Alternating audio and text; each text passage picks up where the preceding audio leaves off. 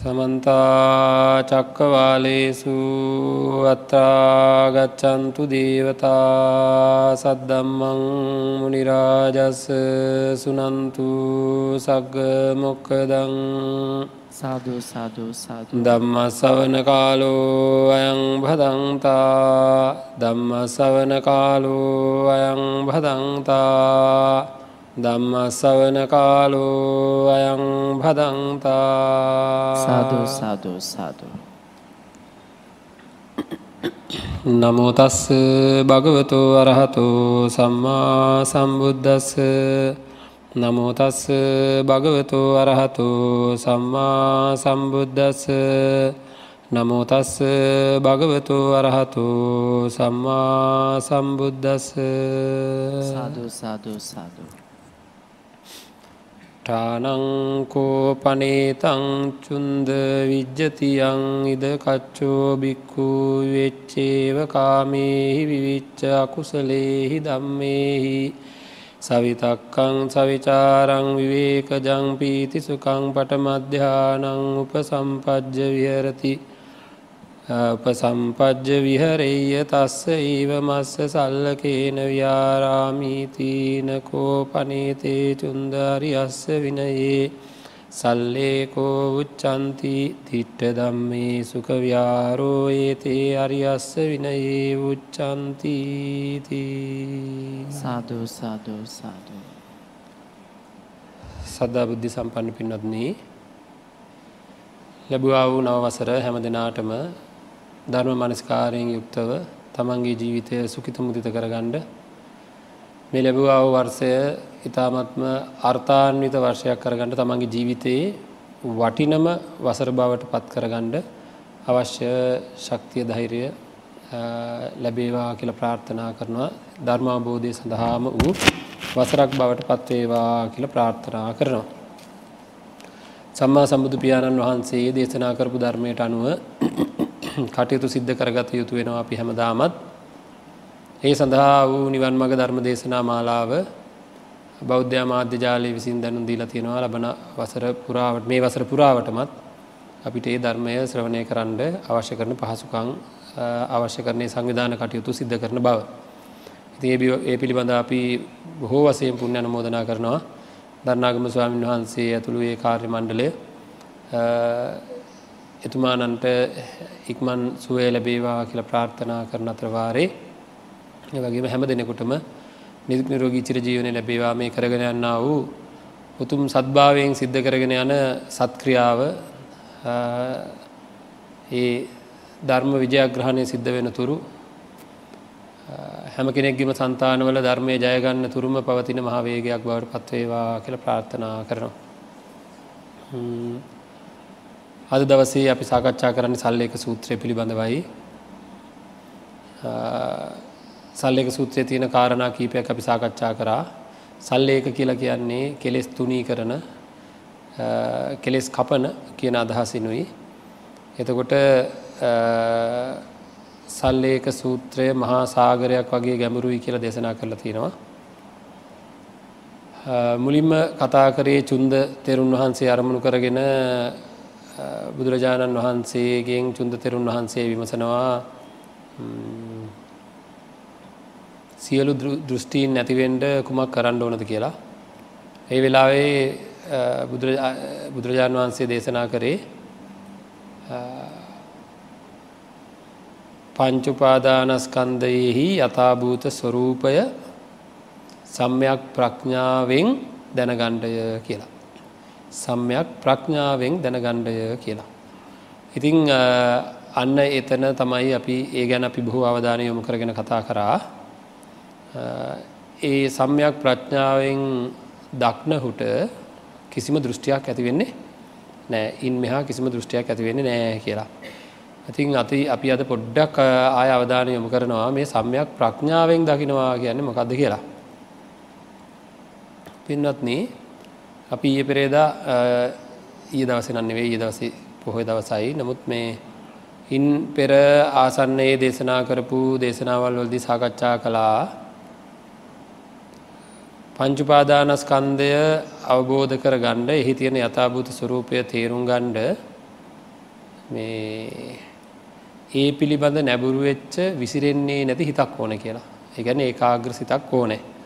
දැන් උදාහරණයක් විදිට වේදනා සන්තතිය කියන්නකු. වේදනා සන්තතිය තේරුම් ගැනීම සඳහා වේදනා සන්තතිය තේරුම් ගැනීම සඳහා වේදනා සන්තතියට සමවැදෙන්ඩ පුළුවන්. එහි ලක්ෂණ පිරික්සන්ඩ පුළුවන් තත්ත්වකට ඒකට අවධානය යොමු කළ යුතු අවධානයෙන් ඉන්ඩ ඕන සිතක් ඕනද නැද්ද? සිතක් ඕනෑ නේද? එනම් පලවෙනි එක එක හරි. දෙවෙනි එක මොකක්ද ඒ අවධානය යොමු කිරීම විතරක් ඇද්ද? ඒ අවධානය යොමු කරගෙන ඒක ප්‍රඥාමූලිකව දැකිය යුතු වෙනවා. ඒ සඳහා ඒ තැනැත්තාට මූලික දැනුමක් තියෙන්ඩෝද නැද හඳුනාගන්නඩ මේකට අපිට හොඳ උදාහරණයක මේක තේරුම් ගන්න පුළුව දැම් මම යනවා බෙහෙතියන්ට ගිහාම දොස්තර මහත්තය මොකද කරන්න මට? ම ළම එකක් ගියා කියන්නක ගියාට පස්සේ වෙදනලාව තියලා දිවේලියර් දාන්ට කියලා ඇස් දෙක පල්ලහට කරලා බලලා ලෙඩේ විස්තර අහලා ඔක්කොම කරන දැන් සෑහන වියදමකුත් ගිය. දැන් මං හිතනවා ඉන්නවක දැන් හැමදාම මෙහම කරන්න ඔටික මටත් කරන්න බැරිය කියලා මං කඩයකින් වෙදනලාව කර යනවා ගෙදර. ඊළඟ සැරේ අසනීප වෙච්ච වෙලාවේ අර ටික ඔක්කොම මං කරනවා. ළමයාව ගෙන්නලා දිවදාන්ඩෙලියට ඇස් දෙක පල්ලහට කරලා බලනවා වෙදනලාව තියලා බලනවා ලෙඩේ විස්තර අහනවා. අර ටික නම් ඔක්කෝම කරා. නේද? හැබැයි ලෙඩේ හඳුනාගණ්ඩ බෑ. ඇයි? අනිට්ටික ඔක්කෝම කරා ලෙඩේ පිළිබඳව හඳුනාගණ්ඩ ඒ සිද්ධිය එතන සිද්ධ වෙලා තියෙන දේ හඳුනාගණ්ඩ මට ප්‍රඥාව නෑ. මොන ප්‍රඥාවද? ලෙඩ පිළිබඳ ප්‍රඥාව නෑ. බෙහෙත් පිළිබඳ ප්‍රඥාව නෑ. නේද? එන ලෙඩ පිළිබඳ බොහෝ ඇසූ පිරූ තැන් තිබේ නම් ලෙඩ ගැන ප්‍රතිකාර ගැන හොඳට කලින් අහලා තියෙනවනම් දැනගෙන තියෙනවනම් අන්න පරික්ෂා කරනකොට ඒ දැනුම තමන්ගේ තුළින් නැගිල එනවද නැද්ද යමෙක් සමතයක් විතරක් වඩලා හිත විතරක් එඟ කරගෙන පටි සම්පාදය ගැනවක්වත් ධර්මය ගැනවක්වත් වැඩි තේරුමක් නැතුව බහුස්ෘත භාවයක් නැතුව මේ හිත එකන් කරනවා. වේදනා සන්තතියෙහි එකන් කරනවා. හරියිද හරියිද ඇයි? හරියට මොකක්ද අර වෙදනලාව තියලා ඔක්කො වැඩටික කරනවා වගේ. හැබැයි සම්මයක් ප්‍රඥාවෙන් දැකීම කියනක සිද්ධ වෙන්නේ අදත් බොහෝ දෙනාට සමහර උපදෙන සිතුවරි නැතු ඉට පුරදු කර නේද? එකඒක වගේ අර අර බුඩ බලාගනින්ට බිම් බලාගනින්ට අර බලාගනින්ට මේ බලාගනිට කියනති නමුත් බෞසෘත භාවය නැතුව පටිසම්පාදය ගැන දැනුමක් නැතුව මේ ජීවිතය පටිත් සම්පාදයක් එක්ක ගැලපනවා කියන එක සිද්ධ වෙයිද? නෑ. ධර්මාබෝධය කියන එකට අවශ්‍ය කරන අංග බොහෝමයක් තියෙනවා. නේද? බලන්ඩ අරගෙන පින්නත්න ඉතින් මට ඕන හැටිට අර්ථ දක්වනවා නෙවේනේ මොනවදංග සම්මාධිට්ටි සම්මා සංකප්ප සම්මා වාචා සම්මාකම්මන්ත සම්මාජීව සම්මාවායාම සම්මා සති සම්මා සමාධී. නේද? මේ අංග අටම වැඩෙන්ඩ ඕන. තොට සම්මා දිට්ටිය වැඩෙන්ඩ යහපත් දෘෂ්ටිය වැඩෙන්ඩ සම්මා සංකල්පනා වැඩෙන්ඩ නේද? සම්මා සති කියන තැන්වල ප්‍රඥාව ප්‍රඥාව ප්‍රඥාව මූලික වෙනවා. සම්මා සම්මා දිට්්‍යිය පූර්වාංගම වෙනවා කියලා සඳහන් කරන්න එකයි. සීලේරත් ඉස්සල ප්‍රඥාමූලික වෙන්නේ ප්‍රඥාවෙන් සිල් රකිින් ඕන හිද සිල් රකිනකොට ප්‍රඥාව යෙදෙන්ට ඕන. තමන් වෙනදා කඩපු සීලයක් රකිනකොට යෝනිසෝ මනසිකාරයෙන් මේක රැකෙන්ටුන මේ රකින සීලය හින්දා මගේ සිතේ කෙලෙස් දුරුවෙන්ට හේතු වෙනවා. මගේ සිහිය වැඩි වෙනවා මගේ නුවන වැඩි වෙනවා මගේ වීරය වැඩි වෙනවා මගේ ඉවසීම වැඩි වෙනවා මගේ අධිෂ්ඨානය වැඩි වෙනවා මේ විදිහට බොහෝ වසයෙන් අපේ ප්‍රඥාව දියුණු කරගන්න දියුණු වෙලා දැනගෙන ඒක කරනකොට ඒකත් එක්ක නුවනෙහි යෙදෙන්ඩ ඕනෑ සතිය කියලා කියන්නේ මොකක්ද. නේපක්කේන සමන්නාගතෝ සති නේපක්කේන සමන්නාගතෝ සති. නුවන සහගිය සිහියටයි. නුවන සහගිය සිහිය. එකින්දා අන්න එතන ගැන අවධානය යොමු කරන්න. අපි අපිට වැඩත් තියෙනවා අපේ පින්වත්නි කරන්න. නේද? මේ මේ පීඩාකාරී මේ වෙහෙසකාරී මේ රණ්ඩු අල්ලන එකිනෙකා පරයා යන්ඩ මැරෙනකොට හරහා වැටෙන්ඩ තියෙන අපි නේද? මැරෙන මොහොත වෙනකොට හරහා වැටිලා කාවත් පරයායන්ට බෑදැන් ඉතින් පනුව තම ඉට පස පරයායන්න මේ ශරීරය පරයායන්න නේද? අන්න එතෙන්ට කොයි මොහොතකද කියලා දන්නේ නැති අපි කඩු තුඩක්කුට දඟලනවාගේ අතොරක නටනවාවාගේ සියලු දේ අමත කලා මැරෙන්නෑ කියලා දඟලන මේ ලෝකයේ ඒ මිනිසුත් එක්ම දඟලමු අපි. එක ප්‍රශ්නයන්න නේ දැහැබැයි අපි පුච්චගන්නේ නැතුව. ආං එහෙම කලාවක් තියෙනවා ධර්මය. තමන් පිච්චෙන් නැතුව තමන් දැවෙන් නැතුව තමන් ගොඩ යමින් අන්න අය ගොඩ ගන්න ක්‍රමවේදයක් තියෙනවා. ඉතින් ඒක තේරුම් අරගෙන බෞද්ධත්ව විදිර කටයුතු කරන්න ඕනෑ. බෞද්ධ ප්‍රතිපත්තිය තුළ ඒකරාසී වෙන්ඩ ඕනෑ. දැනගෙන යමක් කරන්න ඕනෑ. මේ වසරදි අපිට මුලදම කියන දැනගෙන යමක් කරමු අපි. එද කරන්නේ දැනගෙන කර මොකද නොදැනගෙන කරන්න?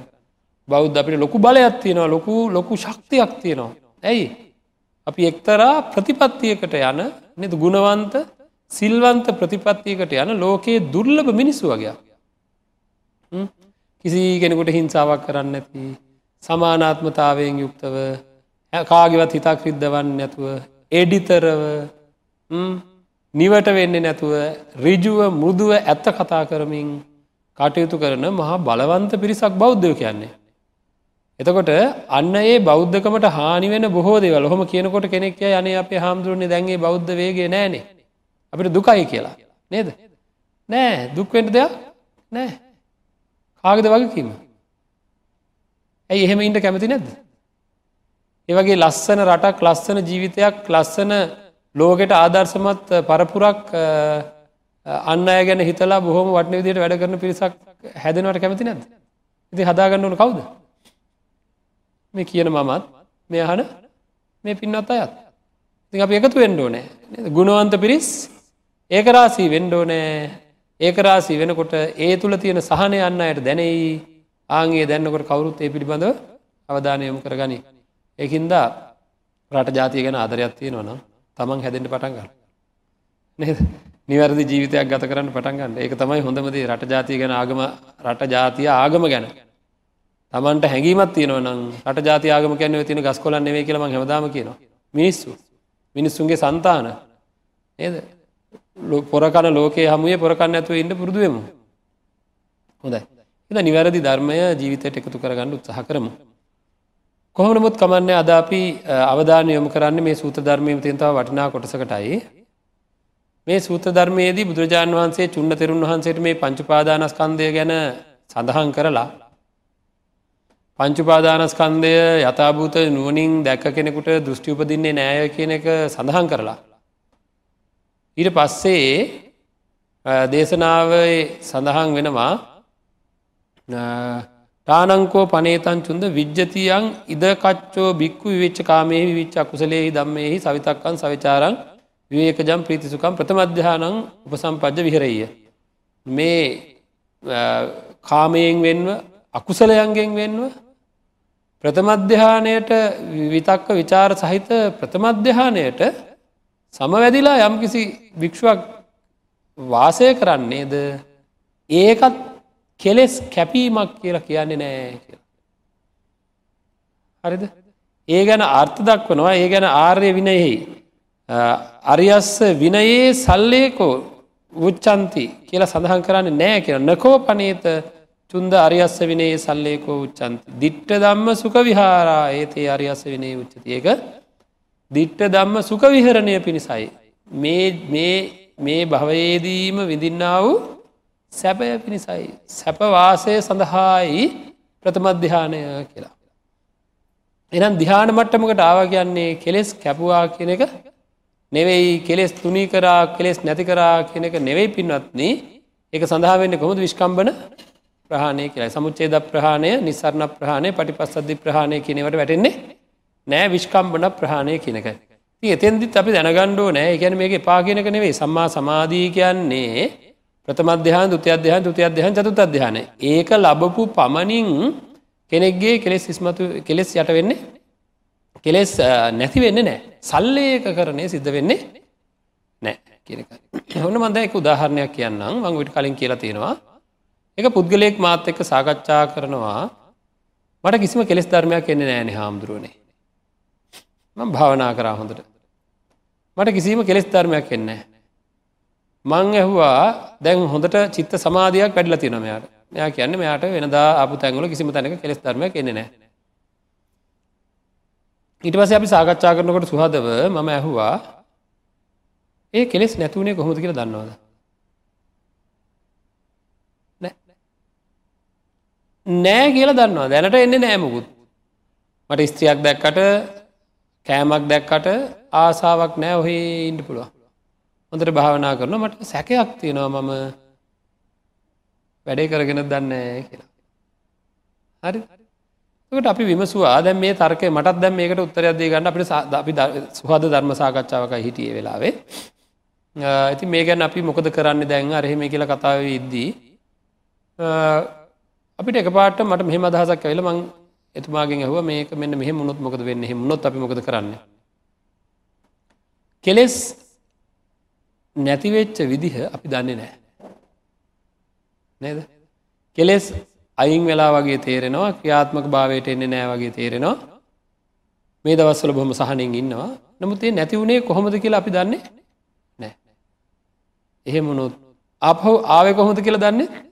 නෑනේ හදිසි ආවොත් එහෙම මොකද කරන්න? නැති වුණේ කොහොමද කියලා දන්නේ නැත්තං ආපහු කොයි වෙලා හරි හටගණ්ඩත් ඉඩ ඉඩක් තියෙනවා. එහෙමනුත් අසරන වෙනවා නේද කියලා. ඒ අදහස් අපි දෙන්න තුළට මාපක ලොකු දෙයක් වුණා අපිට. එක හොඳ විසඳමක් වුණා. ඊට පස්සේ අපි කාරණාකාරණ හොයනකොට මේ බොහොම ප්‍රාථමික වයේ වාසය කරන කාලෙකදී මේ ඉතින් කාරණාකාරණ හොයනකොට තමා තේරුණේ මේ විශ්කම්බන ප්‍රහණයේ ස්වභාවය මෙන්න මේකයි කියලා. ඉතින් පසුව අපිට හොඳටම තේරුණා කෙලෙස් නැවත උපදින බව. හරි ටික ටික ටික ටික යෙදෙන් නැතුව ඉන්නකොට එහි යෙදෙන් නැතුව ඉන්නකොට නැවත නැවත තියුම් වසයෙන් අරගෙන නැවත නැවත ඒ කෙලෙස් උපදින බව. බුදුරජාණන් වහන්සේ එකයි දේශනා කරන්නේ ප්‍රථමධ්‍යාන ආදිය පවා සල්ලේක ය නෙවෙයි කියලා. කෙලෙස් කැපීම නෙවෙයි කියලා. ප්‍රථමධ්‍යානය ගැනත් අපි දැනගණ්ඩෝ නෑ ඒක ගැන කෙටියෙන් අපි විස්තර කර ගමු මොකද අපිට එතකොට එතනින් හට මේ සල්ලේක පරියාය කියන එක පිළිබඳව සාකච්ඡා කරගන්න පුළුවන්කමක් තියෙනවා ප්‍රථමධ්‍යාන විතරක් නෙවේ පින්නත්න මේ අවස්ථාවද බුදුරජාන් වන්සික අවධානය යොමුණා ප්‍රථමධ්‍යාන විතරක් නෙවෙයි ඊට වැඩිය සමාධයක් තියෙන ද ප්‍රථමධ්‍යානය ගැන සඳහන් කරන්න විවේක ජං ප්‍රීති සුකං කියලා. දිතය අධ්‍යානය තත්වයට නොට කතා කරන්නේ සමාධිජම් ප්‍රීති සුකං කියලා. හරිද එතකොට චතුත් අධ්‍යානය දක්වා එනකොට කතා කරන්නේ සුකස්සච පහනා දුක්කස්සච පහනා මේ විදිහට ප්‍රීතියනුත්වෙන් වෙච්ච සුකයනුත්වෙන් වෙච්ච මේ සැපයනුත්වෙන් වෙච්ච උපේක්කෝච උපේක්ෂාවෙන් යුක්තව වාසය කරන අවස්ථාවක් කියලා. ඉතින් ඒ අවස්ථාව ගැනත් ඒ විතරක් නෙවෙයි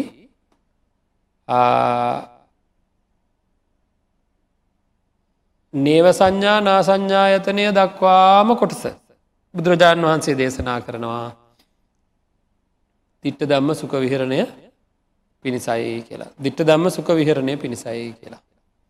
එහෙනම් අපි පින්නත්න මාන්‍යයක් ඇති නොකර ගත යුතු මෙතදි කියන්නෙත් ඒකයි. බොහෝ දෙනාට මේ ප්‍රථමධ්‍යාන දුති අධ්‍යාන ආදිය හින්දා ඒ වගේ තත්වකට තමන්ගේ මනසිකාරය පත්වනොත්. ඒ පිළිබඳ මාන්‍යයක් ඇති කරගන්නට මාන්‍යයක් ඇතිවෙන්න පුළුවන්. පින්නත්න අපි ඒත් කතා කරා මින්ම පිළිබඳ මාන්‍යය පිළිබඳ. නේද? මම ගැන දන්න නොතරම දැඟිතින් කියලා කියලා මංහිතන්නේ අදහසක් ඇති. මගේ මාන්‍යය ගැන නේද? මේ බලන්ටක මට වෙන වැඩේ නේද? බොහෝ කීර්තිමත් බොහෝ බලවත් දනවත් පිරිසක් ළඟට ගිහාම මොකද මම මගේ තත්වේ මං කොහොම දින්න එතන? මට වැඩිය ඉහල කට්ටියක් ළඟට ගිහාම හැකිලිච්ච කුගුල් පිහාට වගේ. ගින්දරට අහුවච කුගුල් පිහාට වගේ ඇකිලිලා ඉන්න. මට වැඩිය දුබල මට වැඩිය ශක්තිමත් නැති ධනයෙන් බලයෙන් පහත් පිරිසක් ළඟට ගහම කොහොමද? දැනුවෙන් පහත් පිරිසක් ළඟට ගහ එන්න පණ්ඩිතයි. නේද? ආගෙතකොට මම කොච්චර වෙනස් වෙනද බලන්නු ඔය කියන මමට කිසිම මින්මක් නෑ විටක මහා ලොකු විදිහටින්න විටක මහා තුට්ටු දෙකට වැඩලා ඉන්නවා. එතකොට මො කවුද මම? කෝ? එ මම කියන එකට මොකක්ද දෙන මිම්ම? ඉතිං ඒ වගේ තියෙන අයට මේ ප්‍රථමධ්‍යාන ආදියට ආපු හාමත් මොකද වෙන්නේ?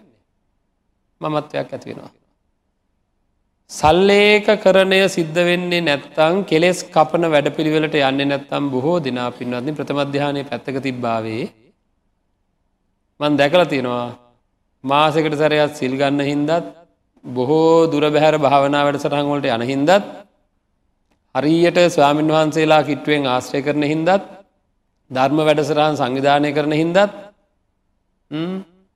උදේ සිට තැන්පත්ව ඉන්නවාගේ ගල්ගෙඩිවාගේ අනිත් අයට පහර එල්ල කරමින් නේද? අපි තමයි අපි තමයි තමයි කියලා වැඩි කාතකවත් කතාවකුත් නෑ. රිදෙන ඇනුම් පද කියමින් කතා කරොත් නිකන් ටිකක් ලොකුකම ප්‍රකාශ කරමින් මේක තවත් එක පැලැන්තියක් හදාගන්න උත්සාහ කරනවා. හරිද? මේක ඇවිල්ලා ධර්මය අවබෝධ කරන ඉහළ පැලැන්තිය කියලා අපි නිකං ඉහළ පැලැන්තිය.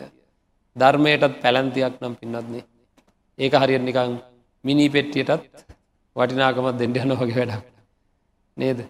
අපේ ඇත්තු වලලා පුච්චලදාන මිනිපෙට් මිනි පෙට්ටිය උත්මානයක් උපදවාගන්න හදනවද නැද එතන මෙහා පැත්තේ අහිංසක මිනිස්සු ඕන තරම් බඩිගින්නවා අර මැරිච්ච උන්දට ලොකු ලාභයක්ද නැද්ද? මේ මොකක් හරි පොඩි පෙට්ටියක දාලා මේක වලලා ඒකට ගිය දසදහස් ගානක මුදලින් කවුරරි අසරණ මනුස්සයකුට පුච්චලදාන එකේ එද විනාස කරල දාන එකේ එ කාගරි බඩගින්න පුඩ්ඩන්න නැති කරන්න කටයුතු කරන්න හොඳ නැද අඩුම තරම. නේද? ඉතිං ඒ වගේ මාන්‍යයක් උපදවාගණ්ඩ බොහෝ වැඩ කටයුතු කෙරමින් තියෙන සමාජයක ප්‍රථමධ්‍යාන දුති අධ්‍යානාදිය හින්දත් මාන්‍යයක් ඇතිවෙන්ඩ පුළුවන්. ඒ තරම් සියුම් අපේ හිත. දොස් කියනව නෙවෙයි අපේ හිතේ වගේ සියුම්. අන්න ඒක හින්දා සල්ලේකය තවයි අතමයි අවශ්‍ය වෙන්නේ. ඒ කියන්නේ කෙලෙස් නැතිකිරීමේ ක්‍රමවේදයයි ඕන වෙන්නේ ප්‍රථමධ්‍යාන දුති අධ්‍යාන තුති අධ්‍යාන ආදිය නෙවේ. ඒවා එපා කියලද තුර කියන්නේ? නෑ නෑ. ඒවා ඕනෑ. එපමණකින්වත් තෘප්තිමත් වෙලා හරියන්න බොහෝ දෙනෙක් ඉන්නවා පින්නත්න්නේ අපි පරිහානීය ධර්මයන් ගැන කතා කරනකොට කතා කරායක දවසක මං හිතන්නේ මේ අත්තන්ට හම්බුනායි අවස්ථාව. මේ සප්ත අපරිහානී ධර්ම ගැන කතා කරදි පිරිහෙන්ඩ හේතුවෙන එක දෙයක් තමයි තමන් ලත් අල්පමාත්‍ර වූ අධිකමයක් තියෙනවන. මට ඇතිවෙලා තියෙන පොඩි අවබෝධයක් අන්න අයට වැඩිය වෙනස් චින්තනයක් තියෙනවනං එපමණකින් ඇති එපමණකින් ඇති කියලා අදහසක් ඒකෙන් එහට යන්න නෑ. ඒක මාන්‍ය උපදවා ගන්න ඇතිරින් හට ආගන්න පුළුවන්කමක් ඇත්තේ නෑ. ඉතින් අන්න එහෙම නැතුව කටයුතු කරන්න ඕනේ. දැන් අපි එහෙමනම් මේ කෙටියෙන් ඉතා කෙටියෙන් මේ ප්‍රථමධ්‍යාන මට්ටම කියන එක මොකක්ද කියලත් විමසා බැලිය යුතු වෙනවා. කෙටියෙන්. මතක් කරලා තියෙනවා නමුත් අපි නැවත නැවත මතක් කරන්නේ මේවාහි අපි මුලා වෙන හින්දා. හරි? මේකට අපිට ලංවෙන්ඩ පුළුවන් දෙයක් හින්දා.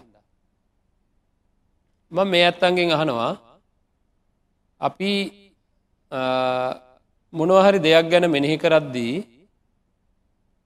අපි හිතමකෝ ශරීරය ගැන කියලා දැනට මේ ශරීරයක් ගැන මෙනෙහි කරනකොට ශරීරයේ නොඒකුත් කොටස් පිළිබඳ අපිට තියෙන්නේ හුඟාක් වෙලාවට ප්‍රසන්න හැඟීම. එ මනුස්ස ශරීරවල මනුස්ස ශරීර පිළිබඳ ප්‍රසන්න හැඟීමත් තියෙනවා. නමුත් බුදුරජාණන් වහන්සේ දේශනා කරපු ආකාරයට කෙස්ලොම් නියදත් සම්මස්නහර ඇට ඇට මිදුළු ආදී වසයෙන් මෙහි කරගෙන මෙහි කරගෙන යනකොට මේ ප්‍රසන්න හැඟීම වෙනුවට එතන උපදින්නේ පිළිකුල් හැඟීමක්. නේද? කෙස් වසයෙන් ගත්තොත් ලොම් වසයෙන් ගත්තොත් නිය වසයෙන් ගත්තොත් හම් වසයෙන් ගත්තොත් මස් වසයෙන් ගත්තොත් මේ කොයි විදිර ගතත් ඒවයි තා පිළිකුල් දුගන්ධ අප්‍රසන්න දේවල් වලින්ද නැද්ද මේ ශරීර හැදිල තියන්නේ? නේද? හැම දෙයක්ම හෙමයි ඉතින් අන්න ඒ විදිහට වෙන වෙනම මෙනෙහි කරයි යනකොට පිළිකුල් හැඟීම පුදිනවා පිළිකුල් හැඟීම කියන එක පින්වත්න ඇත්ත. හරි? මේකට එන පළවෙනි චෝදනාව තමයි මේක මේක කරන්න එපා මේකත් එක ගැටෙනවා කියලා හරි ඇලි ඇලි හිටිය ගැටෙනවා කියලා. මේ ගැටීම සිද්ධවෙන් නැතිආකාරය ම ඕන තරම් පැහැදිලි කරලා තියෙනවා. ඉ ආය මගේ විමසලෑවන හින්දම මගේ ආයහනවා ආය මතක් කරනවා කොහොද මේ ගැටීමයින් වෙන්න කියලා. වෙන කෙනෙක්ගේ මේ බලන්ට අපි හැමදාමක පුදාහරණයක් ගොඩ කාලකිදං දැම්මම් බස් එහෙ යනවා. යනකොට කවුරුහරි කෙනෙක් ඔක්කාරෙකට ඇවිල්ලා වමනයක් දානවා. දැම්මට අප්‍රසන්න ඒක. නේද? එතකොට ම එකත් ගැටනවද නැද ගැටනවා. නිකමට හරි මට මතක් වෙනවා නම් ඔය වගේ මන ගොඩක් මගේ බඩේ තියෙනවා කියලා. නිකමට හරි මට මතකයක් තියෙනවා නම් මට දැනෙනවා නම් ඔය වගේ එකක් මේ කස්සේ තියෙනවා මේ දැන් ආ දැන් තියෙනවද නැද්ද? නේද කෙහෙල් ගෙඩි පානුයි නේද? දැන් උදේට කාපුවේ ඔක්කොම එකතු වෙලා එකට පිතත් වැටිලා සෙමත් වැටිලා නේද? ඔක්කොම එකතු වෙච්ච ඒවා ටික එක ඒක උඩට තව ප්ලේන් ටිකකුත් වැටිලා නේද? අනපු එකක් තියෙනවද නැද්ද දැන්? හදිසියත් පොඩ්ඩක් එළියට ගත්තොත් අපිටවත් ඒක දිහා බලන්න බැරි જાතියකක් තියෙනවා දැන් මේ වෙලාව ඇතුලේ. එහෙනම් අරක දැක්කහම ගැටෙයිද මේක තේජාතියම කියලා තේරෙනකොට නේද එනම් තමන්ගේ ශරීරය ගැන පිළිකුල කියන්නේ ඇත්තයි. තමන්ගේ ශරීරයම පිළිකුල් කියලා එක හැඟීමකට එනවා අපි. හරි? ඉස්සෙල්ලාම වෙන්නේ මම කියල දිල තිහිද කෙටියම් මතක් කරන්නේ ප්‍රථමධ්‍යානය අය මතක් කරන්න ඕන හින්දා. මොකද මේක ප්‍රායෝගිකව යා හැකි තැනක්. අය කිසිම කතාවක් නැමේ වෙලාව මේක අපි ශ්‍රවණය කරමු. ප්‍රායෝගිකව ළඟාවිය යුත් හැකි තැනක් මේ. කතා කරන්න අප. පැදිලම යන්න පුළුවන් තැනක්කිද. කෙස්ලොම් නියද සම්මස්නහරයට ඇට මිදුළු ආදී වසයෙන් වෙන වෙනම පිළිකුල් ස්වභාවයෙන් යුත්තයයි කියලා මෙනෙහි කරදි තමන්ගේ ශරීරයට හැබැ හිතතියාගෙන. මේ ශරීරයේ කේසමත්තක ඉදම් පාදාන්තය දක්වා මේ මාන්සය. එතකොට මූුණ ගැන මතක් කරදි මූුණේ මස් පිහිටු පිහිටලා තියෙන ආකාරය වර්ණය සටහන ගන්ධය හරි දේවත් එක්ක මෙනෙහි කිරීමක් කරනවා. ඊළඟට පපුූට හිත යවනකොට කකුලට හිත යවනකොට හැම තැනකම තියෙන මන්සේ පිළිබඳ ඒ මාන්ස පිහිටා තියෙන විදිහ සටහන. ගන්ධය. වර්ණය. මේවා තමන්ගේ මේ ශරීරයේ තියෙන විදිහ තමම්ම පිරික්ෂනවා. ඒ හැම දෙයක් මෙදිර කෙස්ලොම් නියද සම්මස්නහර ඇට ඇට මිදුර වසේ මෙහකනකොට මෙහකට එකින්න එක එකින්න එක එකින්න එක. අපේ මේක පිළිකුල් දෙයක් අපේ මේකත් පිළිකුල් දෙයක් මේකත් පිළිකුල් දෙයක් මේකත් පිළිකුල් දෙයක් කියලා අදහසක් එනවද නැද. ඒ විදිහට එකින් එක එකින් එක වෙන වෙනම වෙන වෙනම වෙන වෙනම මේකත් පිළිකුල්ලය මේකත් පිළිකුල්ලය මේකත් පිළිකුල්ලය කියලා අදහසක් අපිට ආපුහාම මේ ඉට පස්සෙ මොකද වෙන්න. ඔක්කොම එකට අපේ හිතේ අදහසක් එනවද නැද්ද මගේ මේ මුළු ශරීරයම පිළිකුල්ල කියලා. එක අදසක්. මං මේකට කියන්නේ හරියට නිකං පාරය යනකොට බලකුණක් දැක්කහම. බලකුණක් දැක්කම අපෝ මේක කණ පිළිකුල් මේක නහය පිළිකුල් මේක හම පිළිකුල් මේක බඩ පිළිකුල්ගේ වෙන වෙනම කියනවද. අඩුම ගාන මේ බලකුණම පිළිකුල් කියලා කියනවද. කියනවද. හිතෙන් කියනවද. හිතෙන්වත් කියනද අපෝ මහ පිළිකුල් බලකුණක් කියලා හිතෙන් කියනවද. හිතෙන් කියනවද හිතට දැනෙනවද. අන්න හරි හිතට දැනෙනවා. අන්න ඒ විදිහට අපේ පින්නත්න කුසලයක් උපදිනවා හිතට දැනෙනවා මොකක්ද මේ ශරීරයම පිළිකුල්ල ආංඒක දැනෙන තුරු කොටස් වසේ මෙහි කරන්න ඕන ඒක තමයි අරමුණ. හරි තමන්ගේ මේ ශරීරයම පිළිකුල්ලය කියලා එක හැඟීමක් විදිහට චේතනාවක් විදිහට තමන්ට දැනෙන තුරු අපි මොකද කරන්නේ මේක මෙනෙහි කරන. හරිද හරි. දැන්ට පස මොකද කරන්න ඒ විදිට මෙහ කරපගෙන එහ පැත්ත සරීර ගැන තවදානයම කරනවා දැම්ම නොවේද. අන්න එහ පැත්තේවත් පිළිකුලයි කියලා දැන්නවා. එහා පැත්තේ තමන්ගේ බාහිර ශරීර පිළිකුලයි කියලා දැනීම හින්දා ඒවා පිළිබඳ තිබ්බ ඇලීම නැතිවෙනවා. තමන්ගේ ශරීරය පිළිකුලයි කියලා දැනිච්ච හින්දා අර බාහිර බාහිර සිරුත් එක්ක තිබ්බ ගැටීම අයිගෙන. බලන්ඩකෝ අන්‍ය පිළිකුල් වස්තුූත් එක්ක තියෙන ගැටීම අයින් වෙනවා තමන්ගේ ශරීරය පිළිකුලයි කියලා මෙහෙකරපෙද. අන්‍ය ශරීරත් එක්ක තිබුණ ඇලීම අයින් වෙනවා ඒ ශරීර පිළිකුලයි කියලා මෙනෙ කරපින්ද. ඉතින් ඇලෙන්න්නෙත් නැතුව ගැටෙන්න්නේ නැතුව ඇත්ත දකිනවා. හරි ඒ ලෝක ලෝකයේ ඇත් තිනවා. නේද? ලෝක තියෙන ඇත්තත් තමයි රත්තරන් දිරන්ට පරක්කුයි. හිමින් දිරන්න. යකට ඉක්මට මල බැඳන ඒ වගේ ලෝක ඇත්තත් තියෙනවා. ඒවගේ මේ ශරීර පිළිකුල්ය කියන දෙපැත්තම පිළිකුල්ය කියන ඊට පස්සේ දෙක සංසන්ධනාත්මකව තමන්ට හැඟීම උපදිනවා. හොඳට මෙනෙහි කරන කෙනෙකුට මේ ලෝකයේ තියෙන සියලු ශරීර පිළිකුල්ය කියල හැඟීම උපදිනව පින්නත්න්නේ. හොඳයි මේ හැඟීම ඉපදිලා එක වෙලාවක ඉපදුනා නං ආය හැන්දෑවේ භාවනා කරද්දිත් ඒ හැඟීමම එයිද ලෝකෙම ශරීර අප්‍රසන්නයි පිළිකුලයි කියන හැඟීමක් අපිට ඉපදීමේදී සිද්ධ වෙන පහසුව තේරිලා තියෙනවද? තේරුම් ගන්න බලන්න පොඩ්ඩ පින්නත්න අපි මේ ලෝකයේ ජීවත් වෙනකොට උදේ ඉඳං හැන්දෑ වෙනකං මේ හරි ප්‍රශ්නය තමයි. මේක කොහොද මං කියන්නේ? සාමාන්‍ය මනුස්සයාගේ ස්වභාවය. මම මෙහෙම කියන්න. අපි ඉඳගෙන ඉන්නකොට සීයක් ඉන්නවා ඉස්සරහ. මං කොහැර තැනක සභාවක දකින්න මොකද මං කරන්නේ? සීයම දිහා මෙහෙම බලන්නවද නැද ඉන්නකම් මෙහෙම බලන්න බල්ලගම මොකද කරන්න? මොනවද හොයන්නේ? මොනවද හොයන්න? අඳුරනයම හන්න අපි අඳුරන්න නැති සියක් ඉන්නවා කියලා හොයන්න නැද්ද කවුරු කියන ඔයාලා අඳුරන්න නැති සියක් මෙතන ඉන්නේ කියලා. මොනවාරි හොයනවා පින්නත්නේ මොනවද හොයන්නේ? දැක සතුටු විය හැකි දේවල් හොයනවද නැද්ද? නේද? හිතට දකින්නකොට සතුටු වෙන දේවල් වගේයක් වෙනවා. නේද? ඒක දැනගත්ත අර අනිත් අය මොකද කරන්නේ? එක ඒක හැඩතල ඇඳුම් ඇඳගෙන නොඇද. ශරීරය ශරීරය ආවරණය වෙන්නේ නැති ඇඳුම් ඇඳගෙන නවා. මොකදේ අර කරකෝ නැස් නවත්ත ගන්න තමන්ගේ ශරීරය. නේද? එකඒක ක්‍රමවේද පාවිච්චි කරනයවට. ති මෝස්තර විලාසිතා කියලා ලෑස්ති කරගන්නවා නද ඒක ක්‍රම ලෑස්ති කරගන්නවා. ඉති ඒ මොකද අර කැරකෙන ඇස් එතර නවත්ත ගන්න.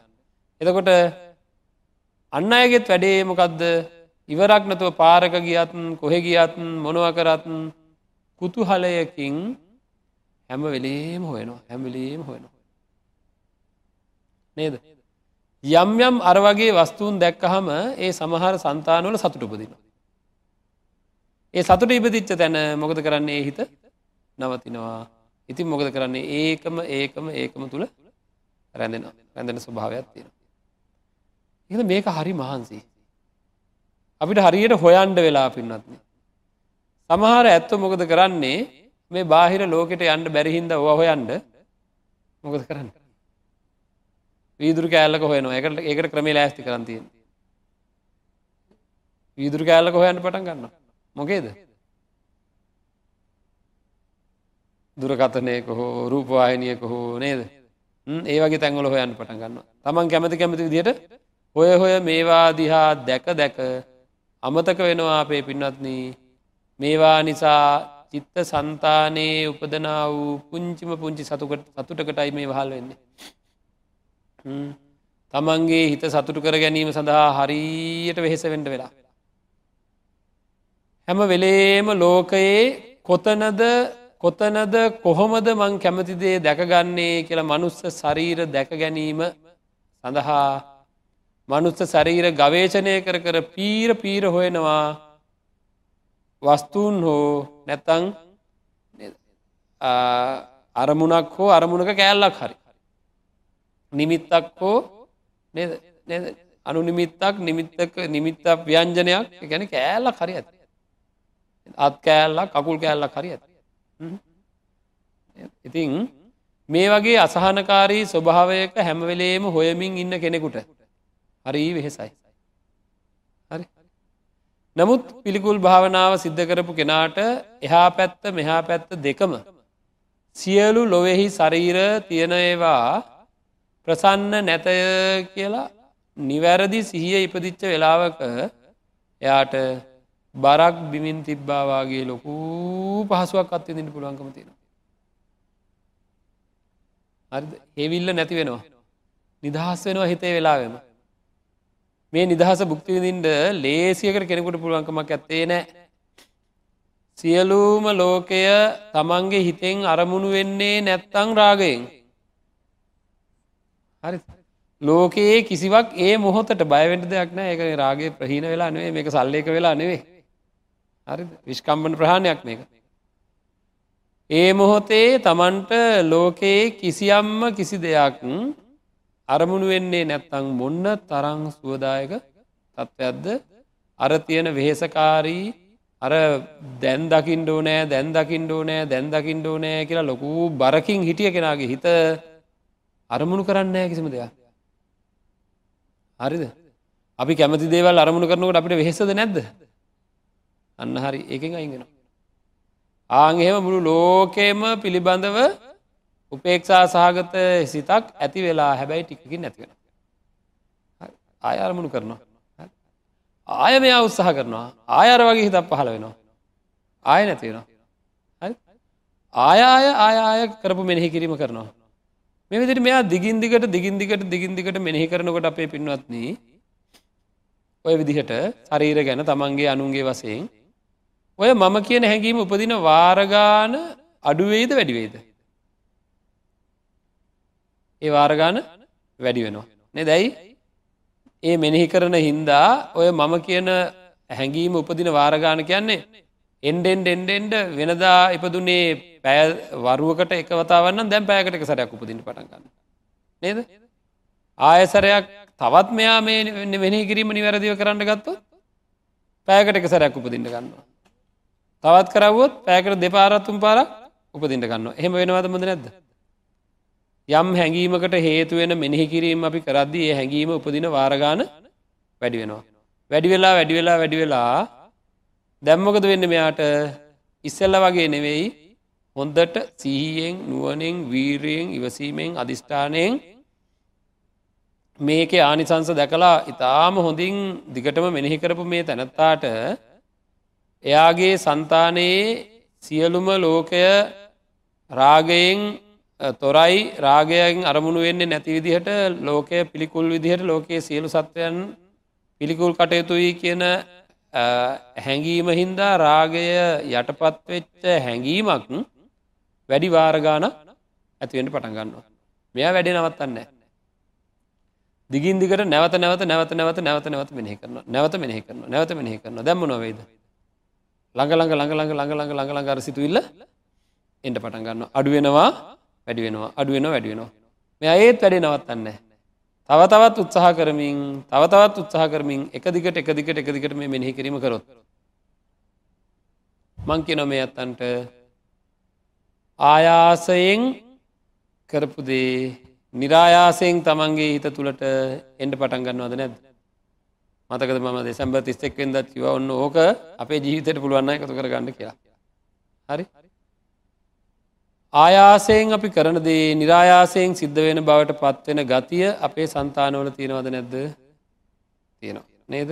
එහෙනං අපිට පුළුවන් අපිට පුළුවන් වෙනවා පින්වත්නී එක දිගට අර ටික ටික ටික ටික ඇතිවෙන වාරගාන අදාළ චේතනාව ඇතිවෙන වාරගාන වැඩි වෙලා වැඩි වෙලා වැඩි වෙලා වැඩි වෙලා අන්තිමට මොකද වෙන්නේ?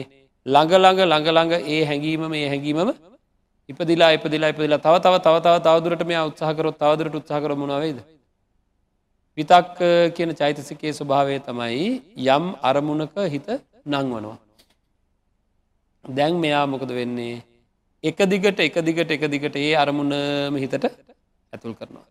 හරි වෙන අරමුණකට ඉඩක් නෑ වෙන අරමුණකට ඉඩක් නෑ. දැම්මොකද වෙන්නේ? ආයාසයෙන් හිටපු කෙනාට ආයාසයෙන් මේක කරපු කෙනාට නිරායාසයෙන් අර කියන හැඟීම උපදින්ට පටන්ගන්න නිරායාසයෙන් අර කියන හැඟීම උපදින් පටන්ගන්න. හරි. දැම් භාවනා කර කර හිටිය කෙනාට කරන්න දෙයක්?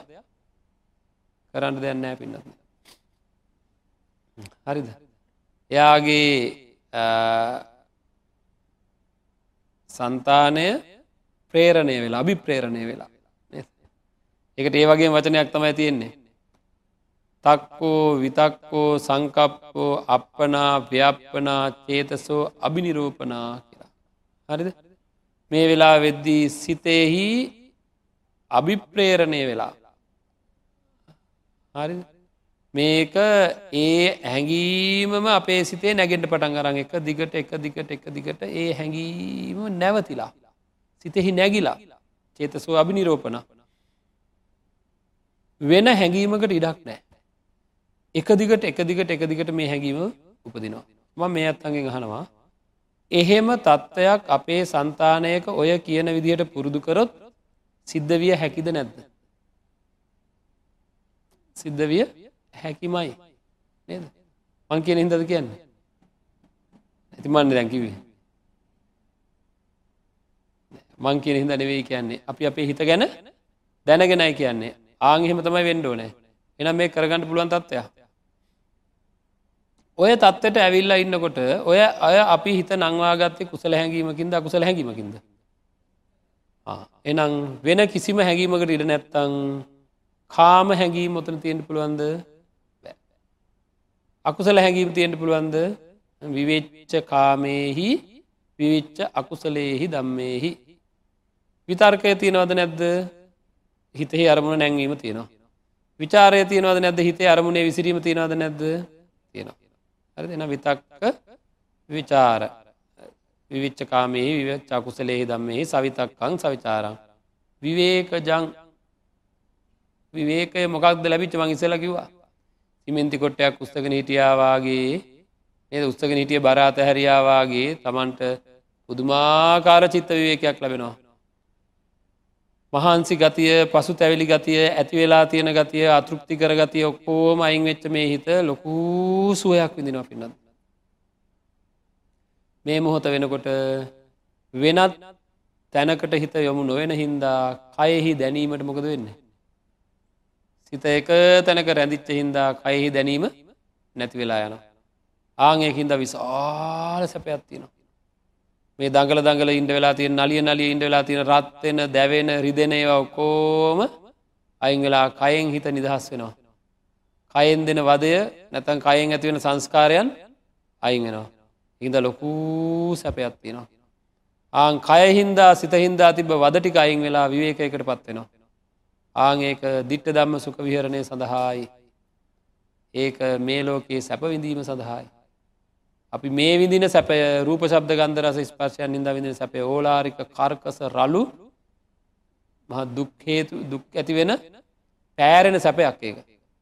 සැපයක් වුණට සැපේ හින්ද පෑරෙනවා කුෂ්ටයක් අසනවාගේ අන්න ඒ වගේ සැපයක් නෙවෙයි මේ නිරාමිස සැපයට වැඩිය හෝම ඉහළ තත්ත්වයක් මේ තත්වට අපිට පත්වෙන්ට පුළුවන්. හැබැයි ඒක තුළත් මාන්‍යයක් ඇතිවෙනවා නම් මේ තත්වට පත්වෙලා ඉන්නේ කියලා.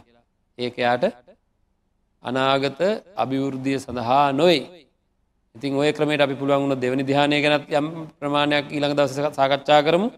පුළුවන්කමත් තිබුණොත් මේක කොහොම දන්න හාට අරගෙන යන්නේ කියලා. නමුත් මේවා කරන්න පුළුවන් මේවා සාකච්ඡා කළ යුතුව තියෙනවා. කරන්න පුළුවන් හින්දයි බුදුජාන් වන්ස දේශනා කළ තියෙන්නේ. නමුත් ධර්මාබෝධය කැනීට එහා ගේකක් ඇති මේ තත්වට හිත හිස්කර ගැනීම. මෙතන හිත හිස්සිලා නේද? මේ හිස්කර ගැනීම විතරක් නෙවෙයි. ඊට එහාගිය කොච්චර වටින දෙයක්ද සල්ලේකය කියන එක ගැන නේද. දේශනාව තියන විදිහටම අපි පෙළගස්සන හොඳයි දැ ඔක්කමල කල්පනා කරන ඇති දැන් දවස් තුනා කතරක් තිස කියනවා මේ සල්ලේකය ගැන කියන්න කියන්නෙම නෑ.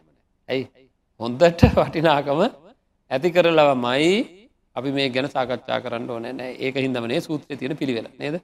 අකුසල් හතලිස් හතරක් කොහොමද තමන් යටපත් කරගන්න කියලා සල්ලෙක සූත්‍රය පස් ආකාරය සන්ධි පහකින් චේතනා හතලි සතරක් ගැන ඒක සම්පූර්ණයෙන් නැති කරගන්න විදිහ ගැන සඳහ වෙන තිය ගැන සාකච්ඡා කරන්න ඉඩ තබා ගනිමින් අද දවසේත් අපි ධර්ම දේශනාව මෙතකින් නිමාවට පත් කරනවා ධර්මය ඇහෙන වාරයක් වාරයක් ගානේ අපේ සිත්වල කුසලයන්මයි පිරෙන්නේ. නිවසට වෙලා ධර්මය ශ්‍රවණය කරපු ඇත්තන්ට ඒ කුසල් සිත් උපදවා ගණ්ඩ අවශ්‍ය කරන ධර්මදානය ලබා දුන්නේ මේ මැදිරිය මේ වාසය කරන පින්නන්ත දායක පිරිස. ඉගේ ඇතු තමන්ගේ බාහ බලය යොදල හරියම්භ කරගත්ත ධනවේ පැදන් කරලා මේ උතුම් ධර්මදානමය පුුණ්‍ය කර්මය සිද්ධ කරා. ඒ අත්තන් වෙනුවෙන් අපි ප්‍රාර්ථනා කරම හැම දෙනාම ඔබා පැහම දෙනාම තුළ ජනතුනාව සිල පුුණ ශක්තිය. මේ ධර්මදානමය පුුණ්‍ය කර්මය සිද්ධ කරගත්ත පින්නත් අයට උතුම් අවබෝධය සඳහාම වේවා කියල ප්‍රාර්ථනා කරම. ආකා සට්ටාච බුම්මට්ටා දේවානාගා මහිද්දිකා පුඤ්ඥන්තන් අනුමෝදිත්වා චිරංරක්කංතු ශාසනං චිරංරක්කංතු දේශනං චිරංරක්කං තුමං පරංතිී